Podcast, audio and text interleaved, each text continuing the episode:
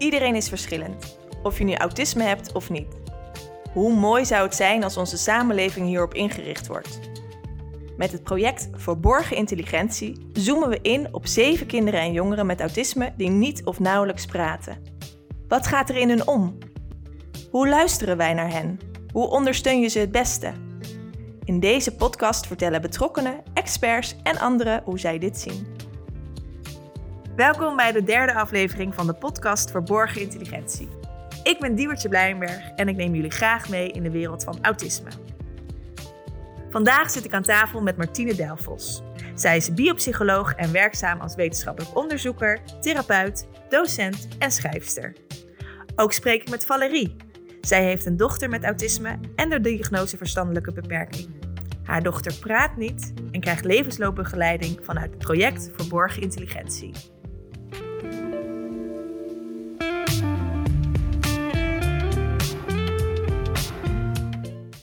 Nou, hartelijk welkom Martine en Valerie. Hartstikke fijn dat jullie er zijn.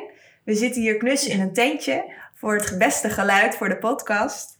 Ehm, voordat we gaan beginnen met het mooie gesprek wat we zo meteen met elkaar aangaan, uh, heb ik een, uh, vier vragen voor jullie. Voor het vragenvuur. Gewoon eventjes om al kennis met elkaar te maken. Zijn jullie er klaar voor? Zeker. Zeker. Nou, begin ik met jou Valerie. Wat is jouw link met autisme? Oftewel, waarom zit je bij mij hier aan tafel?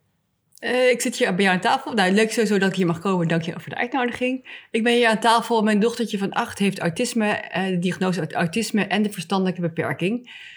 Uh, via Martine ben ik eigenlijk hier terechtgekomen, want jaren geleden ben ik bij haar op bezoek geweest. En ze heeft me inderdaad getipt voor deze, zegt ze, nou, je kan het beste levensloopbegeleiding. Dan krijg je de beste informatie en dan kun je verder qua ontwikkeling voor je dochter. En jij Martine, wat is jouw link met autisme? Eigenlijk ja, ben ik gewoon gaan doen wat mensen nodig hadden. Ja. Dus ook mensen met autisme? Ja, die vroegen dan ja. hulp. Nou, dan gaf ik dat. Mooi. Ja. En uh, als we het hebben over het grootste misverstand over autisme. Valerie, wat is het grootste misverstand in jouw ogen? Uh, ja, voor mij is dat dat mensen met autisme niet tegen verandering kunnen. Mijn dochtertje is juist helemaal gek op verandering. Als je iets nieuws aanbiedt, vindt ze het echt fantastisch. Ik moet er misschien iets langer voorbereiden dan dat ik bij haar zus doe. En iets wel eens iets meer uitleg geven en na afloop iets meer rust gunnen. Maar ze vindt juist alles wat nieuw is, vindt ze eigenlijk leuker dan wat ze al kent. En jij, misverstand? Zijn er nog ja, genoeg? Nou, ik wil meteen zeggen dat wat Valerie zegt, dat is zo herkenbaar. En dan zit er misschien een beetje angst bij. Want, maar alle nieuwe dingen kan je weer van leren. De oude dingen zijn eigenlijk saai. En dat geldt dus ook voor kinderen met autisme? Nee, eigenlijk bijna alleen maar echt voor hun. Ah, nou, daar gaan we het zo meteen vast meer nieuws. over hebben. Ja, ja dankjewel. En um, als we het hebben over uh, mensen met autisme, wat kunnen wij van hun leren? Wat, hebben ze, wat is een wijze les die jullie van iemand met autisme hebben geleerd? Uh, wat, wat, kan ik van ze leren? Wat kan ik van mijn dochtertje bijvoorbeeld leren? Ik denk dat je heel veel leert door heel goed naar haar te kijken en uh, te kijken naar de minimale bewegingen die ze aangeeft in communicatie en wat ze wil en wat ze kan. Ik heb ook twee dochters die, kunnen, die, die gewoon kunnen praten. Um, maar die, die geven altijd aan wat ze kunnen. Maar juist die kinderen met autisme, daar moet je, veel, je moet veel beter naar kijken. Waardoor, je, waardoor ik eigenlijk heb leren, beter heb leren kijken naar andere kinderen en mensen. Dus je hebt echt iets van haar ook geleerd? Ja, zeker. Ja, ja, ja. ja. Dus leren kijken naar, naar een ander. Ja, ja. leren waarnemen hoe, andere, hoe wat mensen, ja, hoe ze reageren, wat ze willen. En jouw wijze les? Nou, er zijn zoveel iedere dag. Dus ik neem maar gisteren. Gisteren. Dan heb ik een jongeman jongvolwassene, 22 denk ik. En die is eindelijk, na jaren en jaren en jaren, durft hij te gaan uh, leren. Doodeng vindt hij het, maar dat zegt hij niet, want hij is een jongen en jongens zijn sowieso niet bang. Mag je niet zeggen. En dan zegt hij, hij heeft nou LOI gedaan. En uh, daar had hij een uur over moeten doen. En hij is extreem intelligent, want dat zijn mensen met autisme, wat ik dan atypische ontwikkeling noem. En hij had er tien uur over gedaan. Daar leerde ik weer van. Ik wist er al veel van, dus ik kon er ook wel hem wel helpen. Maar dan dacht ik, ja, voor dat ene vak stond acht maanden. Ik zeg, jij wil het perfect doen, hè? Ja, zei hij, maar daarvoor hoef je niet naar school. Naar school ga je om te leren, niet om het al te kunnen. En dit gaat dus tien keer acht maanden duren. Terwijl je de mogelijkheden hebt om het in acht maanden te doen. Dat hij, zelfs die eerste les, dat hij daar tien uur over één uur werk had gedaan. Ja, daar leerde ik weer van hoe bang ze zijn. Want voor mij is, heb ik een definitie gemaakt van hun perfectionisme. Dat is uh, proberen te voorkomen dat je afgewezen wordt. Ja. Dat heb ik gisteren geleerd weer. Ja, mooi. En ook weer herkenbaar, maar daar gaan we het zo meteen ook nog over hebben. en uh, tot slot mijn laatste vraag van het vragenvuurtje. Uh, welke wens hebben jullie voor de toekomst voor mensen met autisme? En dat ze beter begrepen worden in de maatschappij. En ik denk dat dat het begin is voor hun he hele ontwikkeling. Dankjewel. Aller, allerliefste wil ik gewoon dat wat het kostbaarste is wat we hebben. Dat zijn de mensen met autisme. Die zijn helemaal niet gestoord en hebben geen stoor, allemaal dan niet. Maar dat ze uit de verf komen, dus dat we dat allemaal krijgen. Nou, dat is een hele mooie wens voor de toekomst. Dank jullie wel voor het vragenvuur.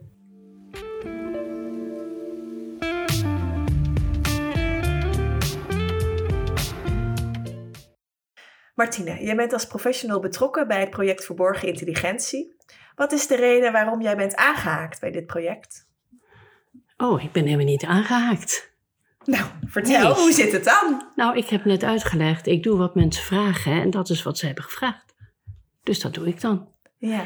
En dan kan je ook vragen, ben je daar blij mee? Ja. En waarom ben je daar zo blij ja. mee? Nou, omdat, zeg maar, als je kijkt van wat bijvoorbeeld autisme voor mij betekent, kan ik meteen anorexia meenemen. Want dat zijn wel, denk ik, de twee ergste. Mm. Vooral anorexia bij meisjes die dan een atypische ontwikkeling hebben.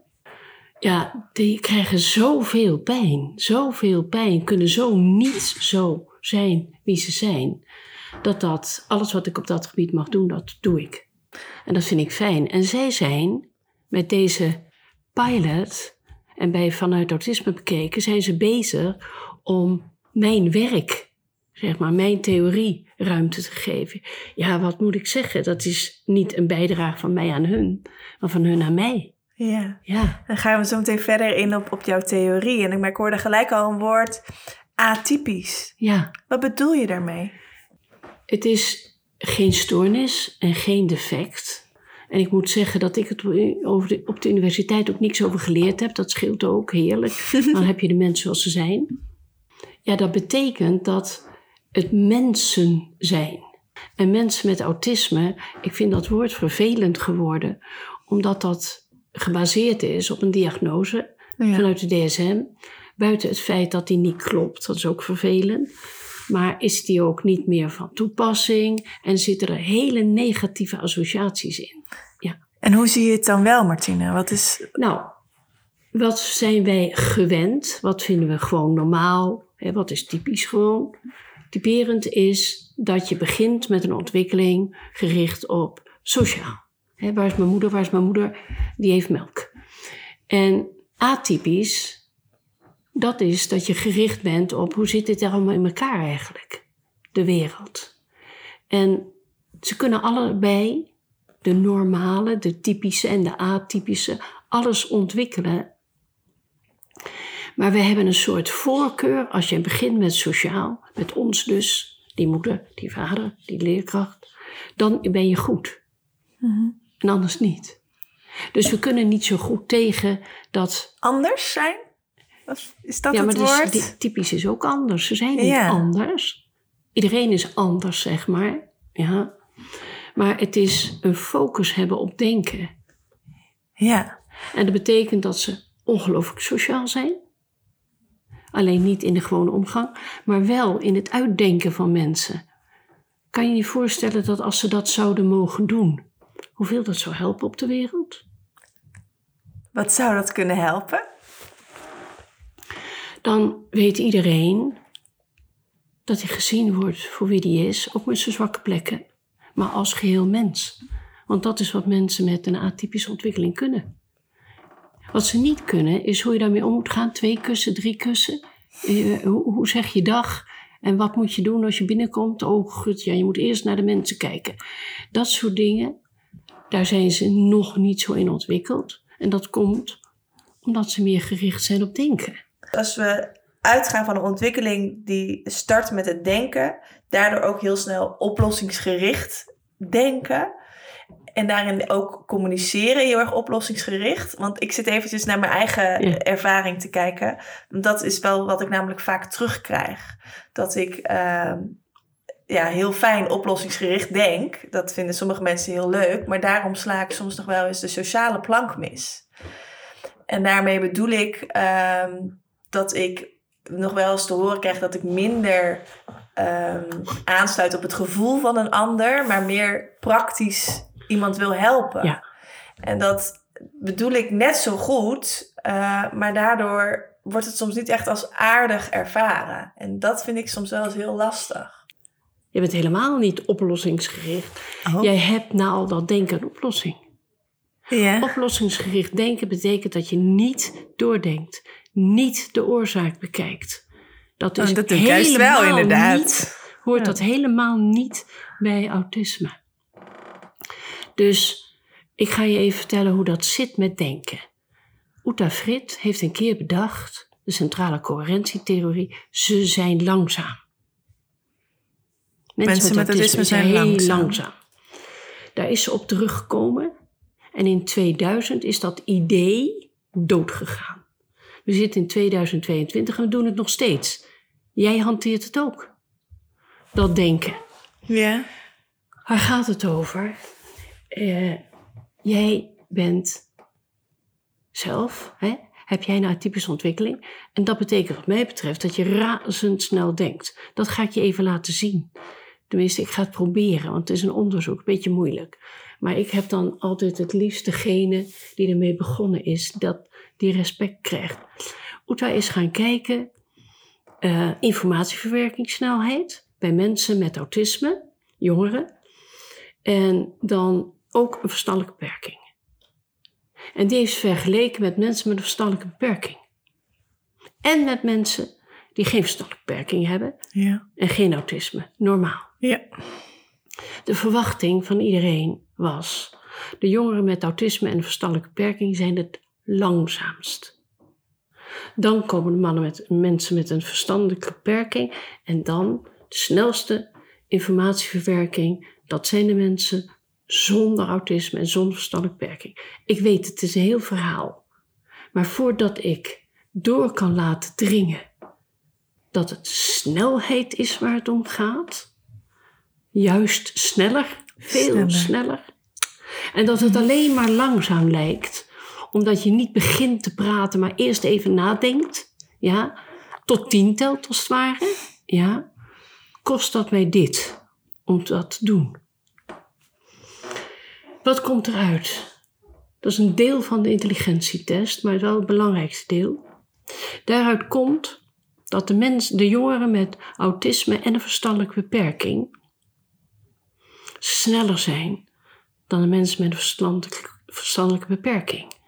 Dat was raar. Hadden ze niet verwacht. Nee. Absoluut niet. Dus de theorie is ook gestorven toen. En ik noem dat onderzoek, maar er zijn een hele hoop daarna geweest hoor. Hebben we het ook niet over. Maar die zijn er. Die hebben allemaal hetzelfde laten zien. Erger voor al die voor, bevooroordeelde mensen is dat de jongeren met een verstandelijke beperking en autisme een hogere, veel hogere informatiesnelheid hadden dan kinderen of eh, eh, jongeren met, eh, zonder autisme en zonder verstandelijke beperking. 25 punt hoger. Zo. Dat wil zeggen tegen de begaafde aan. En het wil zeggen 40 punten hoger, minimaal 40, dan bij hun gemeten is. Dan heeft Valérie een kind met autisme. Een kind dat niet praat. En gelukkig zegt ze niet praat. En zegt ze niet wat ik altijd hoor. Die Wat hoor je kan niet praten. Nog erger, die wil niet praten. Zo kijken we. Dus ze zijn veel sneller. Dus je komt ook veel sneller met een oplossing. En het probleem is niet dat je niet rekening houdt, zal je best wel een beetje doen.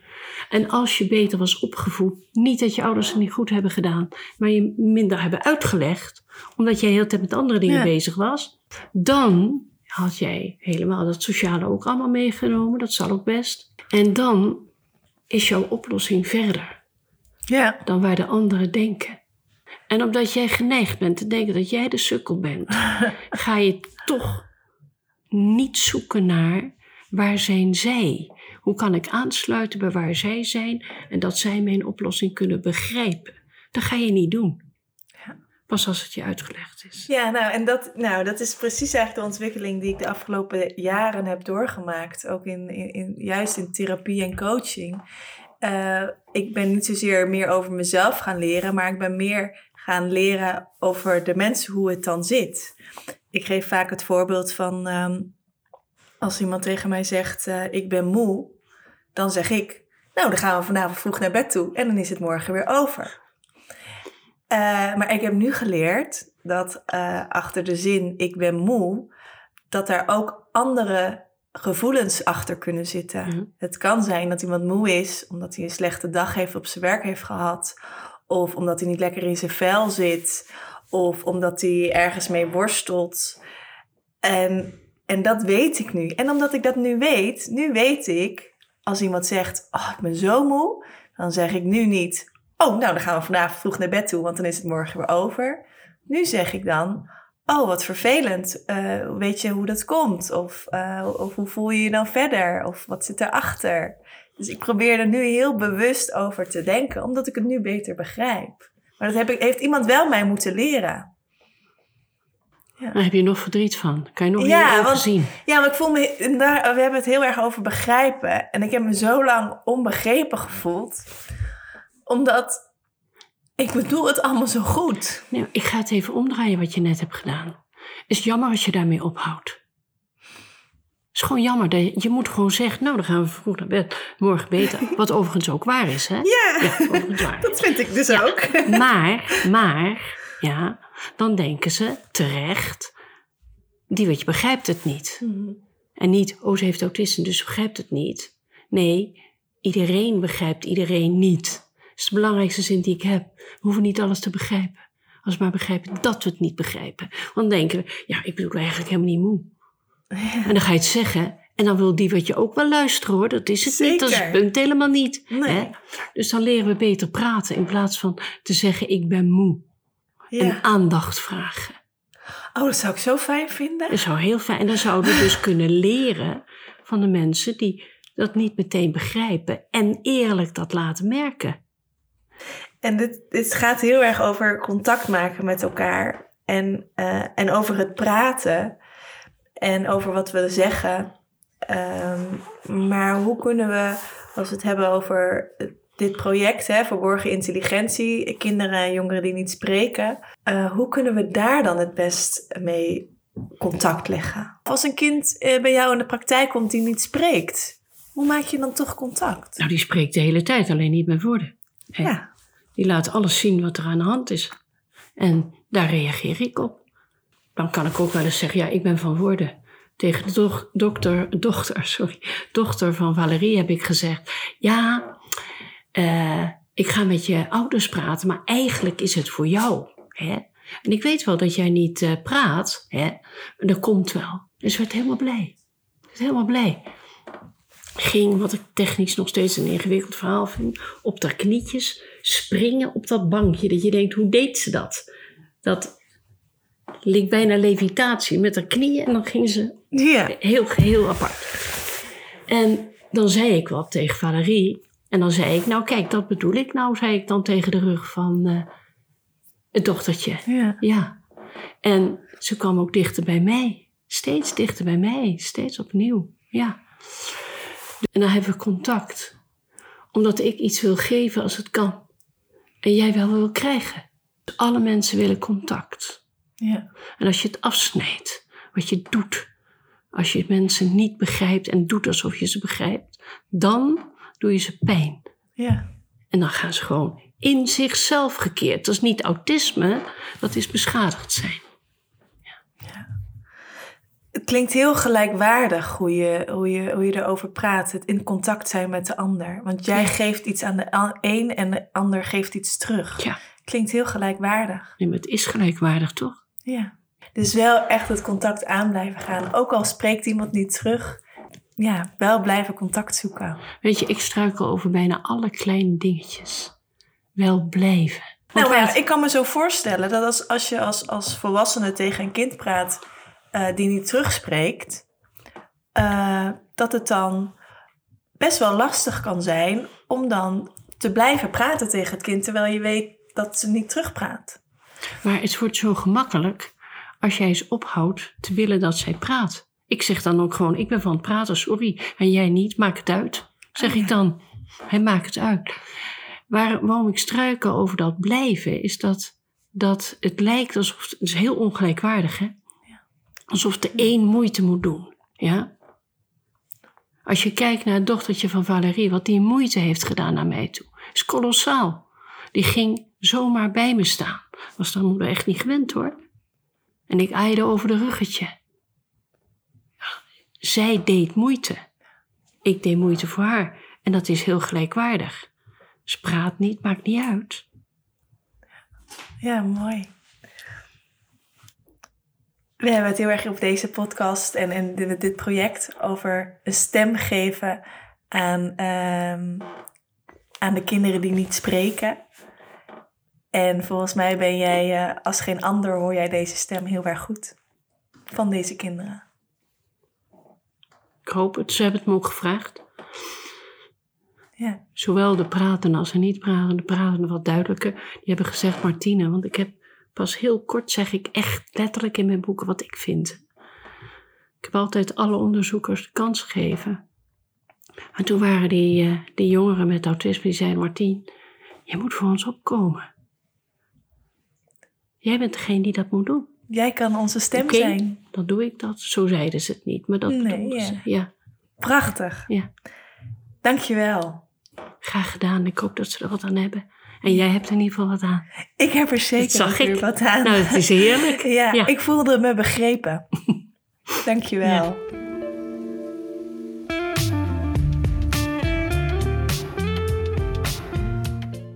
Valerie, fijn dat je bij mij aan tafel bent geschoven. Ehm, je bent moeder van eh, drie dochters. En jouw jongste dochter begon voor haar eerste verjaardag met het zeggen van de woordjes papa en mama. Wat dacht je toen? Ik was helemaal niet, eigenlijk niet echt verbaasd. Want de oudste die begon ook rond die leeftijd eh, te brabbelen en eh, woordjes, eerste woordjes te zeggen. Dus het was, eh, dat paste volledig. Ja, maar al heel snel daarna stopte het met het praten. En, ehm, en tot op de dag van vandaag heeft ze niet meer gesproken. Klopt dat? Ze spreekt had geen woorden, ze maakt wel heel veel geluiden en heel veel, ze brabbelt heel veel. Eh, de woorden stopten inderdaad wel, maar het was ook niet dat ik daar heel verbaasd over was. Want er was, ja, sommige kinderen praten een paar woordjes en dat wordt dan geen minder. Maar toen rond haar, toen ze iets meer ruimer dan een jaar was, toen dachten we van hé, de ontwikkeling gaat wel heel anders dan bij de andere twee dochters. Ja. Vanaf eigenlijk vanaf mijn zwangerschap was het eigenlijk al anders dan eh, de andere twee dochters. Dus we hebben inderdaad gaan, haar gaan onderzoeken. Eh dan kom je echt eerst. Ik ben dan nog steeds verbaasd dat het op die manier werkt in, in, de, in, de, in de medische wereld. Want je wordt allereerst doorgestuurd naar een, een, om medisch te testen bij haar. Ja. Terwijl ik denk, je kan dat ook naast elkaar. Sowieso meteen eh, psychologische testen en medische testen naast elkaar laten lopen. Maar je moet eerst alle medische testen. Dus je moet eerst uitsluiten dat ze niet doof is Ja. Ja. niet, eh, eh, nou, geen allergieën heeft, geen eh, stofwisselingsziekte. Alles moet worden afgenomen bij het heel klein, Ja. ja. heel jong baby. hoe, ja hoe, hoe jong was ze toen? Één jaar? Of, of iets, Het was ja, iets meer dan een jaar, een jaar en twee maanden, jaar en drie maanden ongeveer. Een hersenscan, weet je, dat krijg je allemaal eerst. En ik dacht, ja, waarom wordt het... En de artsen keken ook niet naar het kind. Ik het kind hoefde eigenlijk niet eens mee te nemen. Het was alleen de ouders praten, maar ze hebben niet naar het kind gekeken. En vervolgens was dat, nou oké, dan werd het dichtgeklapt dat van, nee, het is inderdaad niks medisch. En dan kreeg je een eh, doorverwijzing naar de eh, eh, psychiatrische inrichting om daar, daar te laten onderzoeken. Ja. Terwijl ik nog steeds verbaasd ben dat het gewoon natuurlijk tegelijkertijd naast elkaar moet lopen. Ja. Dat, moet niet, dat staat niet los van elkaar. Het is één kind. Ja. En daar Sorry. werd ze inderdaad getest. eh, wat me ook opviel, wat me ook opviel inderdaad is eerder dat zij op doofheid werd getest. En dat ze eigenlijk nooit iets eh, reactie gaf of eh, wel of niet was, of, of ze iets wel of niet begreep. Maar bij die dove test, dan eh, liet ze een geluidje, liet ze een plaatje zien. En had echt binnen een nanoseconde door hoe dat werkte. Want dat vond ze kennelijk heel leuk. Dus ze had meteen door van, oh, als ik geluidje hoor, dan kijk ik daarnaar en dan krijg ik het plaatje te zien. Dus Ja. dat, was dus ook nou, iets, iets iets ruim een jaar. Zo, ja, ja, moet je nagaan. Ja. En, ehm, maar naast dat ze dus inderdaad niet spreekt, heeft ze ook de, de diagnose verstandelijke beperking. En ik vind het wel heel grappig dat je dan nu, ja, grappig is niet het goede woord, maar je zegt nu nadat ze zo'n testje, dus op hele jonge leeftijd, al heel goed kon. Hoe, hoe oud was ze toen ze, de, toen ze de diagnose kreeg verstandelijke beperking? Hoe is dat, hoe is dat gegaan? Onder de twee. Dat kreeg ze eigenlijk tegelijkertijd kreeg ze verstandelijke beperking en autisme tegelijkertijd. Ja. En dat was omdat ze inderdaad eh, eh, de arts die haar psychologisch heeft onderzocht, die, die, ja, die doen een bepaalde test. Ja, zo onder andere een IQ-test en andere testen. En als het kind daar niet op reageert, dan krijg je dus eh, ja, geen score op dat gebied. Zo jong nog? Ja. Om toen Ja. ze dat gingen vaststellen? Ja, ze- ja. Wauw. ja. Ik ben heel benieuwd hoe dat gaat. Hoe testen ze dat? Was je daarbij of kan je daar een voorbeeld van geven? Ja, je net bij andere kinderen testen ze ook hetzelfde. Laten ze van blokjes zien, dan moet je het stapelen of iets. eh, op die manier, eh, eigenlijk wat ze ook bij eh, alle consultatiesbureaus doen. Die Ja. test ze ook, neemt ze ook bij haar af. En als ze dan geen reactie geeft, ja, ze vond het kennelijk ook niet interessant of iets. Of ze wilde niet, of ze kon, of ze kan het niet, dat, we, dat weet je natuurlijk niet. Dat ligt nog in het midden. Maar dat zo testen ze gewoon kinderen. Ja, want dat zei je net al heel mooi in, je, in het, bij, tijdens het vragenvuur. Dat jouw eh, dochter eigenlijk eh, ook wel weer snel was afge... Als ze iets kan of iets kent, dan, dan is ze snel ook er weer op uitgekeken. Ja. En eh, kan je nog iets meer vertellen over je dochter? Wat, wat is het voor meisje? Ja, ze is een, heel, vooral heel lichamelijk. Ik vind ze heel leuk. Zoals eh, weet je, springen en zwemmen en dingen voelen vindt ze heel leuk. Ze, hou- ze houdt echt van rennen. Weet je, dat op zijn lichaam heel erg gericht. Dat ze allemaal fantastisch. Eh, toen ze jong was, heel erg op licht, licht en donker gericht ook. En wat ik over kijken naar mensen. Ze was toen ze heel jong was, keek ze juist heel lang naar ons. Maar echt, echt dat ik dacht, wat kijkt ze lang naar me. Naar me. Want bij de oudste twee, die keken gewoon eventjes en deed een grappig gezichtje. En dan vervolgens kijkt ze naar iets anders of zo. Maar zij bleef maar heel lang kijken. Heel, ze keek echt, ze keek je echt eh, intrigerend aan. Ja, observerend. Ja, echt heel observerend. En Ja, op een gegeven moment heeft ze dat dus niet meer gedaan. Het was echt, een gegeven moment was, in het begin deed ze dat heel erg. En op een gegeven moment viel dat echt weg. ja. Toen, ble- toen, toen, was, en toen keek ze ook heel lang niet meer. Ook helemaal geen reactie op haar naam of iets. Dat, dat duurde echt heel lang. Ehm, ja, inderdaad, alsof, net hoorde ik ook alsof je het ben je niet meer interessant hebt, een beetje geobserveerd. Ja. En dan, eh, is het, eh, ja, dan is het weer iets nieuws, iets leuker. Zoals inderdaad eh, dingetjes in elkaar passen, vindt ze leuk. Maar ook eh, vormen, heel erg vormen bekijken, vindt ze heel, heel leuk. Licht en donker eh, vindt ze Want heel hoe leuk. zie jij bijvoorbeeld wat ze leuk vindt en wat haar intrigeert? Hoe merk je Ja, dat dat aan ze er echt naartoe trekt en dat ze het echt oppakt of eh, aanpakt. Dat dat dus inderdaad. Of dat ze heel erg ernaar kijkt. Of dat ze, ze gaat ook wel eens heel erg blij hopsen op haar knietjes. Bijvoorbeeld dat als ze heel enthousiast wordt van iets. Of dan wordt ze in ieder geval... ja, ze wordt echt een beetje gespannen. Echt zo heel, ja, ze straalt echt enthousiasme uit als ze iets leuk vindt. Ja. Dat zie je wel. eh. Oh, mooi. Dus ze, ze spreekt, maar dan zonder woorden. ja, precies. Je moet er gewoon ja. ja. meer bekijken inderdaad dan... eh, dan voelt eh, het voor jou ook dat, ze, dat, dat jullie echt communiceren met elkaar? ja, ja, Ja. ja, zeker. Ja. Ja. Ja, dat is meestal de eerste vraag die mensen dan stellen als, als je we- ja, mensen weer tegenkomt na een tijdje. Zo, hoe gaat het met je? Hoe gaat het zo? En dan, hoe gaat het met je, hoe gaat het met je dochtertje? En dan meteen achteraan, praat ze al? Oh. Ja, dat is altijd dat ik denk, ja, ja, dat is een soort eikpunt. En dan, oh, nog steeds niet. Oh. Dat je denkt, oh ja, alsof dat het enige is. Weet je, wat er, wat er aan communicatie is bijna. Ja. Of, Ja. Of, of, of daar aanhangt of het goed of slecht met Ja, haar precies. gaat. Ja, eigenlijk wel. Ja, bijna wel. Ja. Alsof van die mijlpaal moet je hebben bereikt, want anders is het, eh, ja, anders. Terwijl jij Ja. ook ziet van, hé, het gaat goed met haar, want ze zit op de knietjes te, te wiebelen en Ja. ze is blij. Precies, Daar ze is blij, ze vindt dit leuk en dat leuk. En eh, weet je, ze, vindt, eh, ja, ze geniet echt heel veel, hele, heel veel dingen vindt ze hartstikke leuk en gaat het hartstikke goed. Ja. Ja. Hey, en als we toen hebben, we hadden het net over, hè, over die, die, die diagnose, verstandelijke beperking. Ehm, toen ze die heeft gekregen, wat voor gevolgen heeft dat verder in, in, in, het eh, leven van je dochter ge- gekregen? Eh, nou, het eerst was ik eh, verbaasd ook over hoe het gaat bij de... Als je de diagnose krijgt, eh dan eerst keer het de medische, nou, dan wordt dan het dossier dichtgeklapt en word je doorverwezen naar de psychiatrische inrichting. Maar daar krijg je inderdaad letterlijk de diagnose.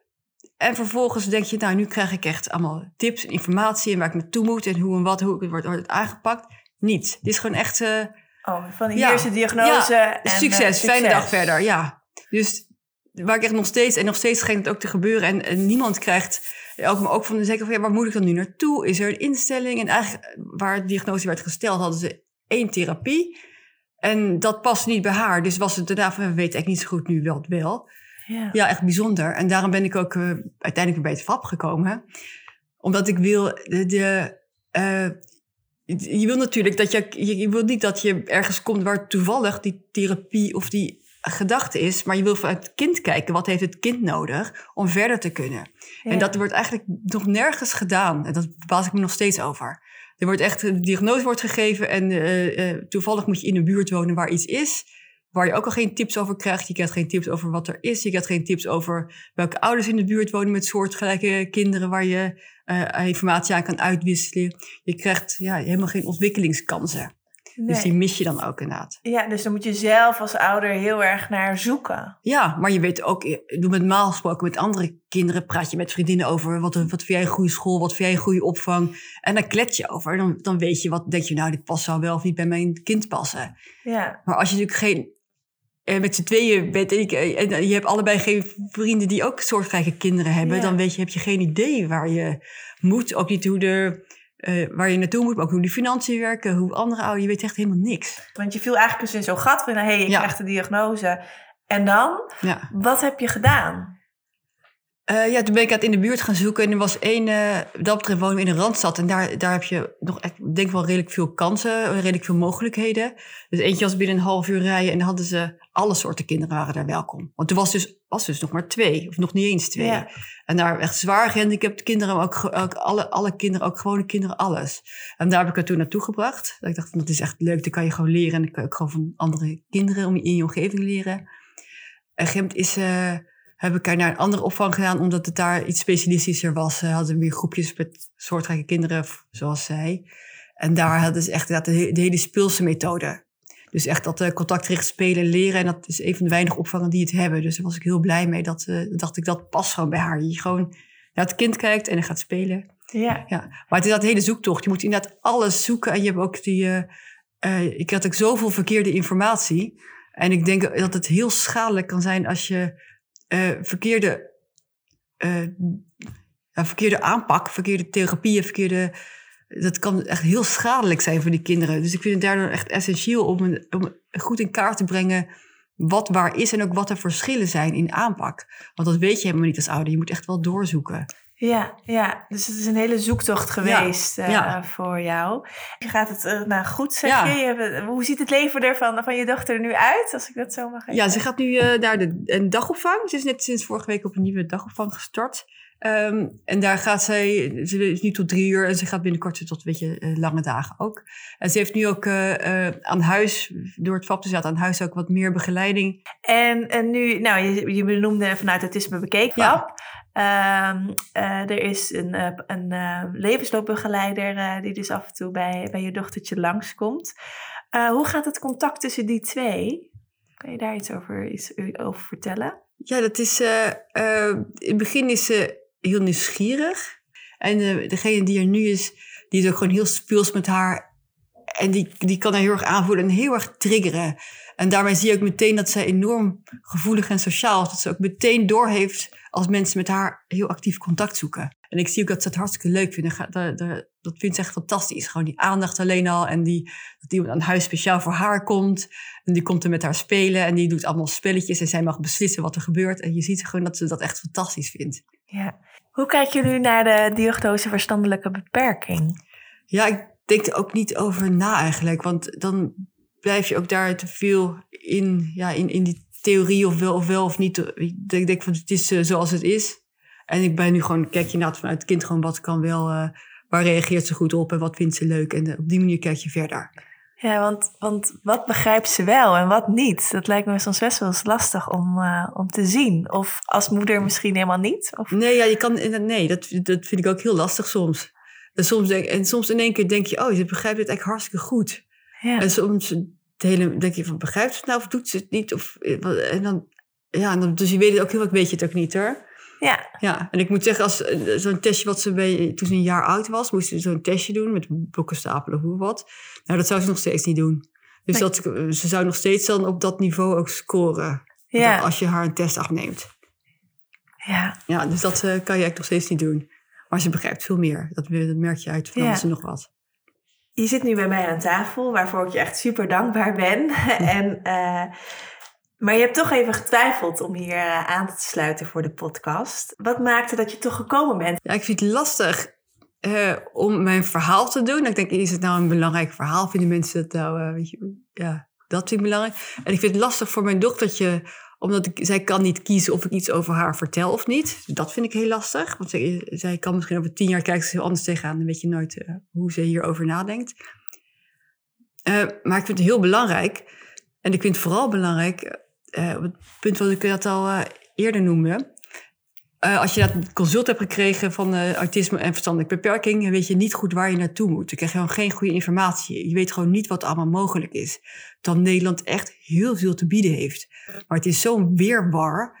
Ja. En je, daardoor mis je ontwikkelingskansen. Omdat je gewoon in het, in het, de verkeerde, eh, op het verkeerde pad stapt en het gewoon niet beter weet. En je moet zoveel uitzoeken dat het ook zo, zo tijdrovend is. Terwijl je die tijd beter gewoon aan je kind kan besteden. En niet iedere keer het wiel opnieuw uit te vinden. Ja, dus dat is wel echt eh, Ja. ja. wat je, jouw boodschap van hey, dat zou eigenlijk verbeterd wel kunnen worden. in Ja, ik denk inderdaad, als, als heel veel psychiatrische inrichtingen het, het FAP zouden kennen, dat je kan zeggen van, eh, luister, als jij een kind met autisme hebt hier, eh, verwijs meteen naar ons, want dan kunnen wij je daar iets voor doen of voor betekenen, of in ieder geval een, een soort samenvatting van alle relevante informatie, eh, op welke gebieden je verder kan en hoe je verder kan. Ja, want wat heeft vanuit autisme betekend voor jou en voor je dochter? Ja, dat, het is heel fijn om iemand te hebben met kennis waar je meteen naartoe kan, eh, waar de beste aanpak is. Dus dat er, dan blijkt nu inderdaad, ik we gaan natuurlijk nog meer kijken. Maar voorlopig is het echt eh, aan huis spelen en heel veel die aandacht, dat doet haar gewoon heel veel goed. Dat iemand speciaal voor haar komt. En vooral ook ja, dat je met iemand kan sparren, dat vind ik ook heel fijn. Dat je daarna kan denken van, nou je hebt eh, dit allemaal en wat zou wel of niet bij haar kunnen helpen. Of wat ze, Ja, die bredere aanpak. En Valerie, ehm, welke wens heb je voor de toekomst voor jouw dochter? ja, ik denk gewoon een plek inderdaad waar zij zich kan ont- ontwikkelen en waar mensen haar begrijpen. Dat zou ik echt heel fijn vinden. Dat zij echt. eh ja, dat is lastig even te verwoorden, maar dat, dat zij inderdaad. eh, eh, ja, op een plek waar zij zich vrij voelt. Dat zij gewoon de mogelijkheden kreeg om zich te ontwikkelen. Ja. Vrij voelt. Ja. Dat zeg je wel met tranen in je ogen. Ja, dat is wel heel moeilijk. Ja. Ja.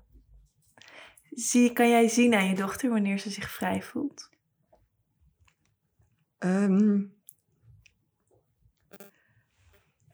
ja, maar het is heel vaak niet zo. Ja. Dat ze zich niet vrij voelt. Ja, dat zie ik wel. En ik, ik, ik merk dat vooral als zij dat het minste of geringste wat aan spanning eh, is onverwacht gebeurt, toen is zij heel gespannen. En als zij heel erg op haar gemak is, kan zij al die, al die veranderingen en geluiden of eh, pijn, kan zij veel meer aan. En ik denk dat zij als ze in een omgeving zit waar ze dus zich heel fijn voelt, kan zij alles aan.